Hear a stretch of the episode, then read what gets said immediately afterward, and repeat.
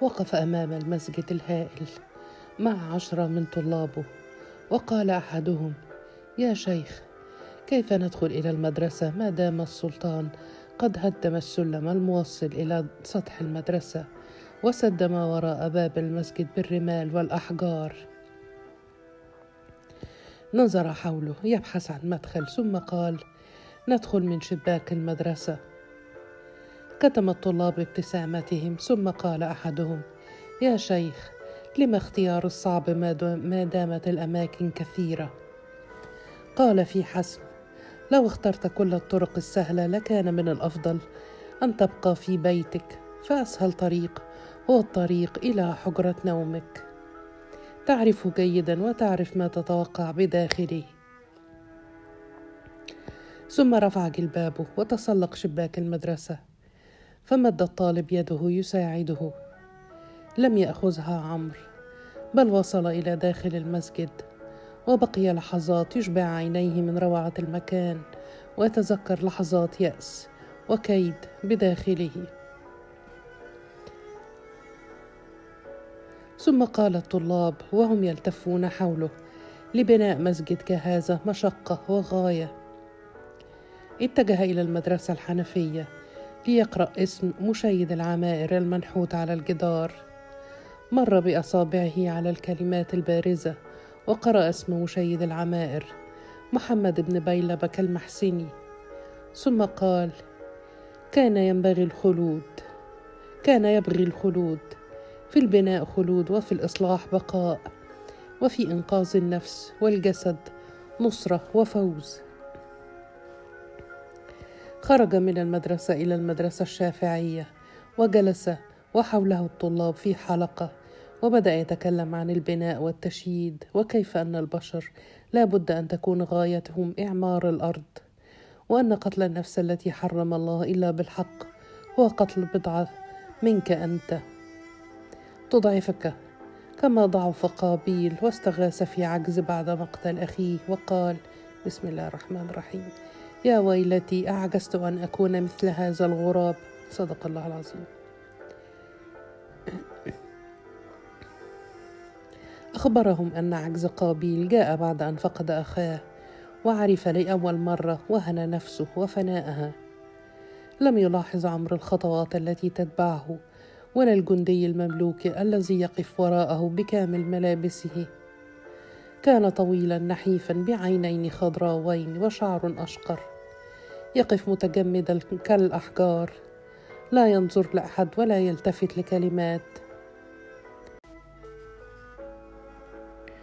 بعد برهة أدار وجهه ورآه وتبادل الطلاب النظرات ولكن عمرا تجاهله وقال لطلابه بصوت عالي يبدو أن السلطان يريد أن يتأكد من أننا نتكلم في الدين وليس في السياسة. لا بأس. حارس السلطان ربما يستفيد من بعض الدروس والمعلومات.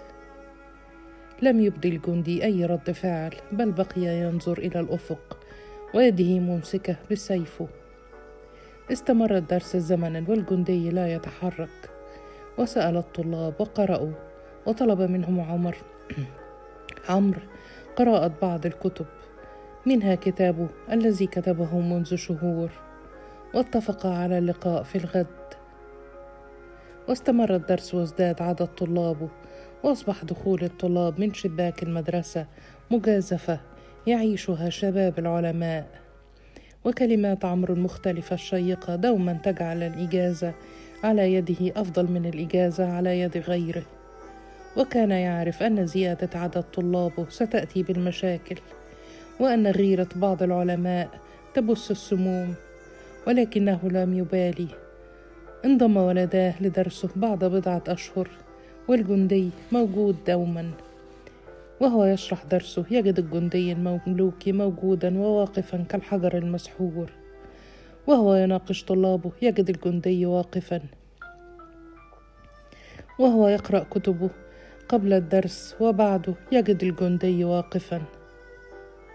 بعد عدة أشهر وأثناء انهماك عمرو في النقاش حاد.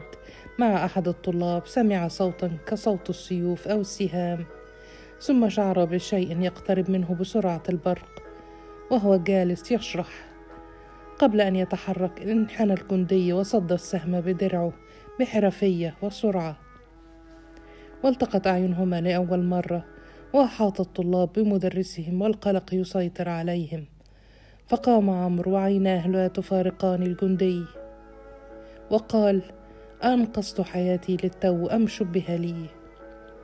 قال الجندي بصوت رتيب وملامح باردة معذرة يا شيخ لا بد أنه سام. سهم جاء من القلعة وشرد في الطريق. ابتسم عمرو وقال أو ربما سهم يعرف الهدف. ويخطط لموتي منذ زمن.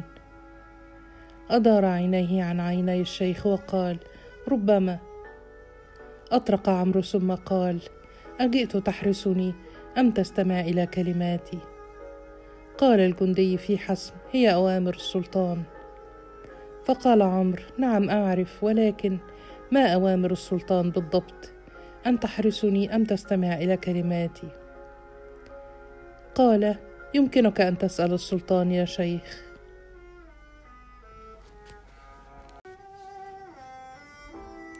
قال وهو يجلس مكانه ليستمر في درسه.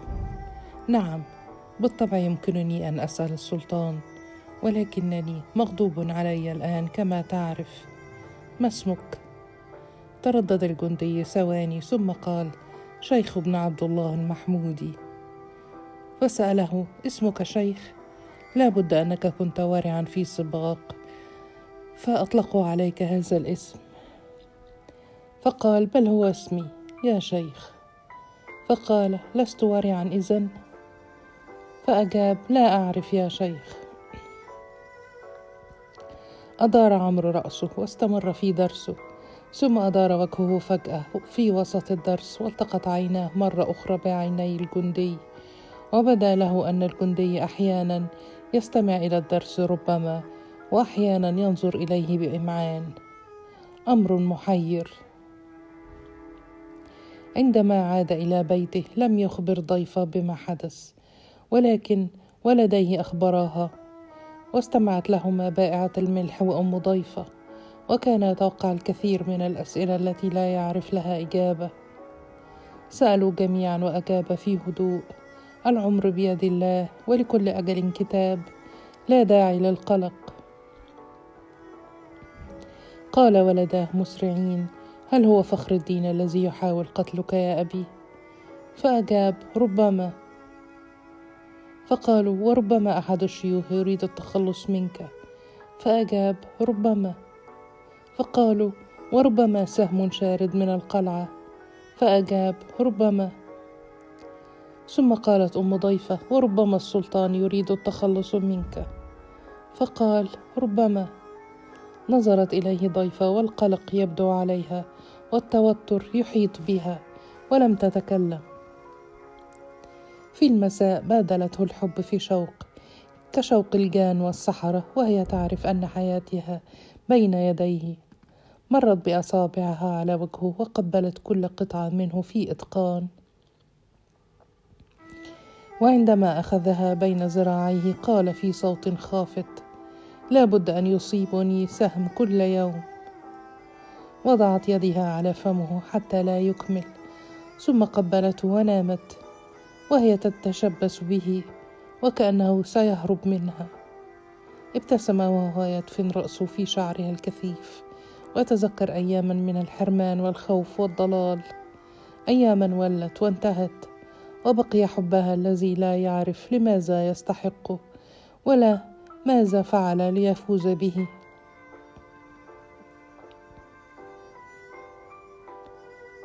بدأ درسه اليوم بكل بكلمة التقوى وذكرها في القرآن وردد آيات الله الواحدة تلو الأخرى وبعد البحث في معنى التقوى في سياق الآيات وتراكيبها بدأ النقاش بين الطلاب واحتد كالعادة وترك عمرو لهم الفرصة للأسئلة والكلام. ثم قال طالب في حماس مثلا جنود المماليك يطيعون الأوامر بلا تفكير ويقتلون من أجل أستاذ في معظم الأحيان. ألا يتذكرون قول الله؟ بسم الله الرحمن الرحيم. واتقوا يوما لا تجزي نفس عن نفس شيئا. صدق الله العظيم. فتح الحضور أفواههم في ذهول والكثير من الخوف بقي عمرو صامتا برهة ثم أدار وجهه للجندي وتظاهر الجندي بعدم سماع الكلمات وأدار وجهه وجسده يقف مستقيما كالسيف كعادته.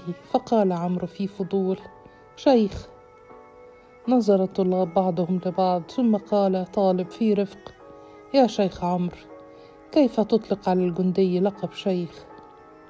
قال عمرو بل هو اسمه لا بد أن لهذا الاسم هدفا وأن هذا الجندي ورع ممتلئ بالمعرفة شيخ ما رأيك أنت؟ هل تقتل بلا تفكير أم تعرف أن قتل النفس إثم كبير؟ اتجهت كل العيون إلى الجندي الذي تردد قليلا ثم قال في حسم بل أقتل لردع الفتن والحفاظ على بلاد المسلمين في هذا جهاد قال عمرو وهو يتظاهر بالدهشة لديك فصاحة الشيوخ. قال في شيء من التحدي تتكلم يا شيخ كأن كل الناس في بلادنا أحرار في كل شيء وتعرف أن الأقدار هي ما تحركنا. وأن الاختيار مرتبط بحرية الخطأ والصواب فقط. نظر الطلاب بعضهم لبعض ولم يتكلموا فقال عمرو أعرف أنت مثلا لم تختر الوقوف هنا ساعات. قال شيخ في تأكيد بل اخترته هنا بدأت الهمسات تزيد وصوت الطلاب يصل إلى عمرو فقال عمرو في دهشة حقيقية اخترت الوقوف هنا؟ أم أمرك السلطان؟ لا تقل لي اسأل السلطان فأنت تعرف أنني لا أستطيع هذا وأن الإنسان مسير وليس مخير. فلو أردت الذهاب إلى السلطان الآن وسؤاله ما يسمح لي؟ قال في تأكيد أنا من طلبت من السلطان أن أكون الجندي الموجود في درسك يا شيخ عمرو. فقال لماذا؟ فأجاب أعرفك منذ زمن وأتابعك وكنت أريد الاستفادة من دروسك. كل مصر تعرفك يا شيخ. بقي عمرو صامتا برهة ثم قال شرف لي أن تستفيد بدرسي يا شيخ. هل لي أن أناديك باسمك؟ قال الجندي في حسم بل الشرف لي أنا يا مولاي وشيخي. شجاعتك يتكلم عنها الجنود كلهم. قال في تهكم لم أكن أعرف أن جنود المماليك يتكلمون عني بالخير. كنت أظن أنهم يكرهونني لأنني حكمت على ابن الأمير في الماضي. فقال بعضهم يكرهك وبعضهم يعرف ويفهم. ليسوا كلهم سواء. هناك الماجن والورع المتكبر والمتواضع الشجاع والجبان. مثلهم مثل كل أهل مصر. هز عمرو رأسه في إعجاب ثم قال والله لا تتفوقن على طلابي لو استمررت هكذا. وعندما تحصل على الإجازة تترك القتال. أم تصبح أول شيخ يعمل جنديا. ابتسم ربما ابتسامة طفيفة ثم قال يا شيخ تعرف وأعرف أن الإنسان مسير وليس مخير. أريد طلبا لو سمحت لي. نظر إليه عمرو وهو ينتظر طلبه فقال الجندي أريد أن أتكلم معك خارج المدرسة في موضوع مهم. قال في تأكيد مرحبا بك في بيتي في أي وقت. في المساء دق الجندي باب الشيخ. وما إن دخل وصافحه عمرو بحرارة حتى انحنى وقبل يد عمرو في وجل. ثم جلس أمامه في انبهار وقال في حماس كنت أتمنى مقابلتك منذ زمن منذ زمن طويل. ابتسم عمرو وقال تبدو لي في العشرين أو أكثر بقليل. لا بد أنه لم يكن زمنا طويلا جدا. ثم دخلت بائعة الملح بالعصير واللحم والخبز والحلوى فقال الجندي بعد خروجها هذه أم حسن أليس كذلك؟ قال عمرو في دهشة تعرف أم حسن أيضا أتعمل مع البصاصين أم تهتم بشأني؟ فقال كلنا نعلم قصة بائعة الملح التي أقسمت على خدمتك ليوم موتها بعد أن شرب العصير وأكل نظر إلى عمرو وقال في ألم هو حادث حدث لي غير, غير مجرى حياتي. ابتسم عمرو بلا كلمة فأكمل الجندي. وقت الحرب بين السلطان والأميرين المتمردين منطاش ويلبغى كنت بالطبع في حرس السلطان فهو أستاذي اشتراني منذ زمن وأنا دون الثانية عشر أحبه وأقدره. هز عمرو رأسه واستمر في الاستماع فأكمل الجندي وهو ينظر إلى الزخارف على السجاد. أعرف أنك سجنت مع السلطان عاما ثم سجنت وحدك عاما بين الظلمات. كيف كانت الظلمات يا شيخي؟ قال عمرو في صراحة كالجحيم بالضبط. فسأله غيرتك؟ أثرت فيك؟ فقال لبرهة جعلت الحقيقة تختلط بالخيال. وتمسط الحقائق في عقلي.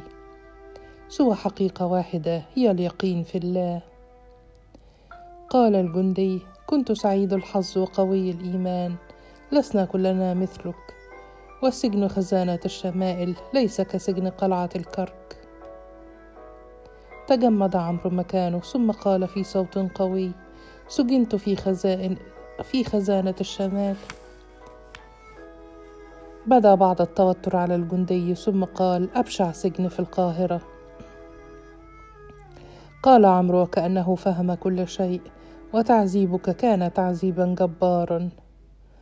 قال في صوت متقطع عاما كاملا حتى عودة برقوق ونجاته كنت كالكلب الأجرب مكبلا في حفرة. أحرق تارة ويقطع الحرس من جسدي تارة وأصرخ كالمجاذيب عاما أو أقل. ولكنه كان بالنسبة لي الأبدية وبقية العمر.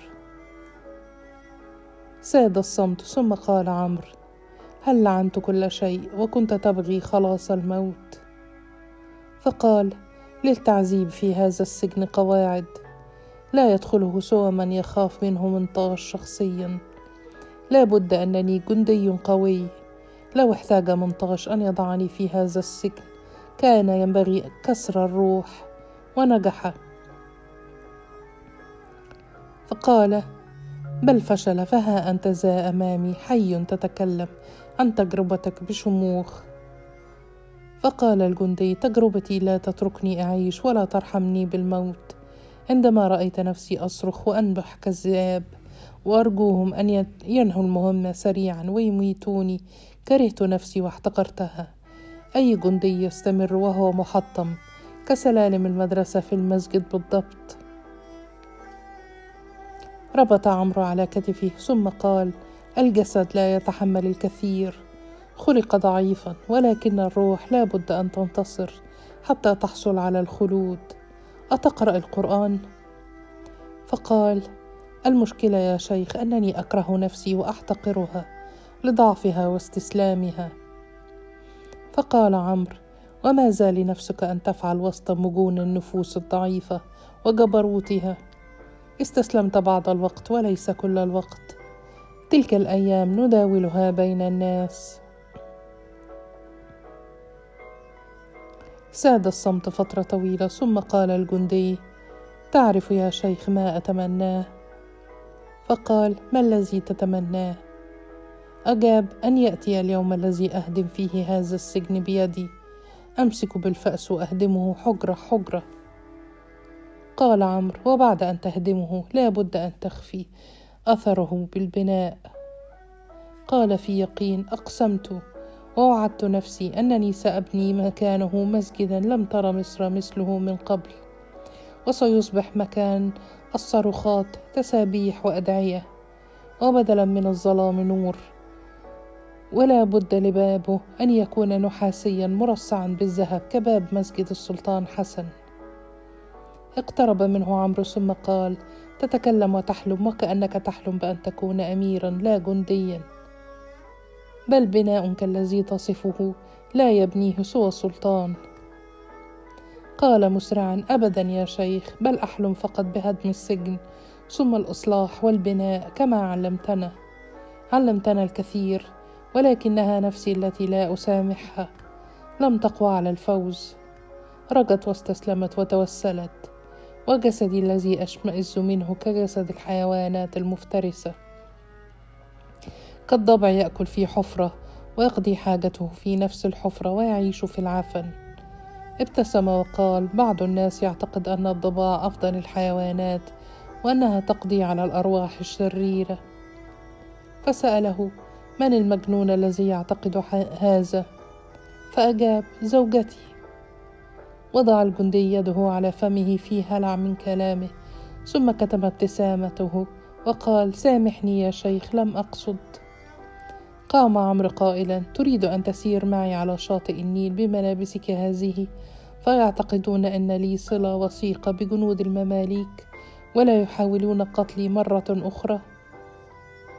قال في حماس لن يستطيع أحد قتل الشيخ عمرو بن عبد الكريم ما دمت حيا.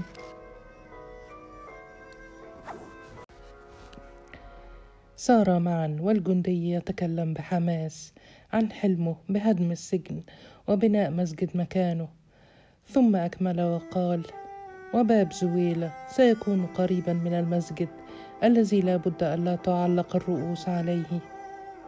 هل تصدقني لو قلت لك أنني أكره القتل والسجون ولكنها أقدار مكتوبة علينا. كنت أفضل لو أصبحت رجل علم مثلك. ابتسم عمرو وقال الإنسان لا يرضى بنصيبه أبدا ويحلم بالمزيد إلى النهاية. يبدو لي أنك تتقن عملك. فقال أحاول. سكت عمرو برهة ثم قال حدث الكثير في حياتي وقابلت الكثير من البشر.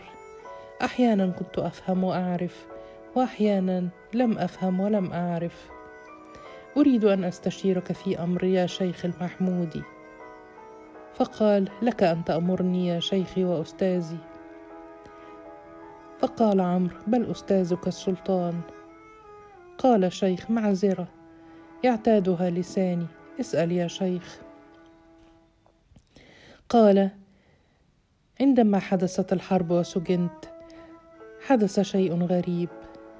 أتت عجوز وأخذت ولدي لمكان ولداي لمكان آمن لا يعرفانه.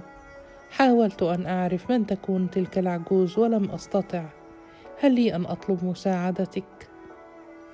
قال في حسم آتي لك, ب... لك آتي لك بها قبل سبعة أيام وهذا وعد مني. ثم أكمل وهل تسمح لي بأن أستمع إلى دروسك؟ فقال تستمع وتفهم وأعطيك الإجازة. فقال هذا لا يجوز وأنا جندي. قال له سأعطيها لك عندما تستحقها وستعرف إنك تستحقها وليس عليك بالتدريس أو البوح بها لأحد سوى نفسك. ابتسم الجندي في حماس وشوق إلى التعليم. بعد عدة أيام سمعت أم حسن طرقا على الباب وفتحته فدخلت امرأة في منتصف العمر بوجه سافر أسمر وملامح باهتة وخطوط العمر تسيطر على كل جلدها حتى قبل أن تبلغ الأربعين. طلبت لقاء الشيخ عمرو وقالت إن الشيخ المحمودي بعث بها إليه. دخل عليها عمرو وفهم على الفور من ملبسها أنها مسيحية. جلس أمامها ورحب بها ثم قال ماذا تحتاجين مني؟ قالت في رتابة أنت من تحتاج إلي لا أعرف لماذا. نظر حوله وهو يحاول أن يفهم واستمعت لهما أم حسن في إمعان وهي تتظاهر بالكنس. قال عمرو بعد برهة نعرف بعضنا يا خالة. قالت لا تعرفني ولكنني أعرفك. ابتسم لها وقال شرف لي من بعثك؟ المملوك شيخ المحمودي فقالت هو بعينه. قال في حماس أنت من أنقذت ولداي لماذا؟ ظلت ساكنة لحظات ثم قالت في صوت بطيء أم حسن هذه جريئة ومجازفة. بقي ساكن ينتظر منها أن تكمل. فأكملت. في يوم منذ عشرة أعوام قتل جمق ابني بنفس الطريقة وهو في العاشرة. قتله عن عمد بعد أن اغتصبوا. ولم يمت من الألم والحادثة كابن أم حسن.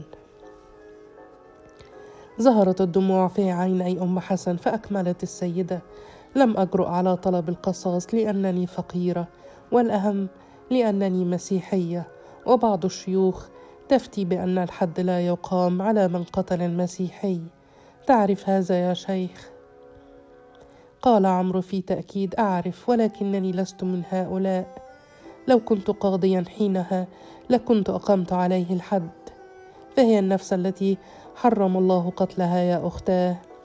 النفس تجتاز حدود الإيمان والأديان وتقسيمات البشر. نظرت إليه ماليا ثم قالت أعرف لديك جرأة المجانين وعدل القديسين يا سيدي لذا كان لابد أن أنقذ ولديك. أخذتهما إلى بلاد النوبة في الجنوب حتى انتهاء الفتن في القاهرة. فقال وكيف عرفت مكانهما؟ قالت من السهل على الأم أن تعرف أين يخبئ الأب أبناؤه في مكان آمن في بيت جد أو جدة. ولكن مريم الحبشية ساعدتني تعرفك وتعرف زوجتك وزوجتك كانت تعرف كل شيء. قال في استسلام والقليل من الدهشة زوجتي دائما تعرف كل شيء كالبئر لا تصلين لنهايته. ولكن لم لم تأتي إليه؟ ولم لم تخبريني؟ قالت لم أفعل هذا لأنني أنتظر شكرا الشكر للرب يا سيدي. فعلته لأنه كان واجبا علي بعد أن أخذت بصأر ولدي. صمت ثواني ثم قال لأم حسن هيا أحضري الغداء والولدين ليسلما على من أنقذتهما من الموت.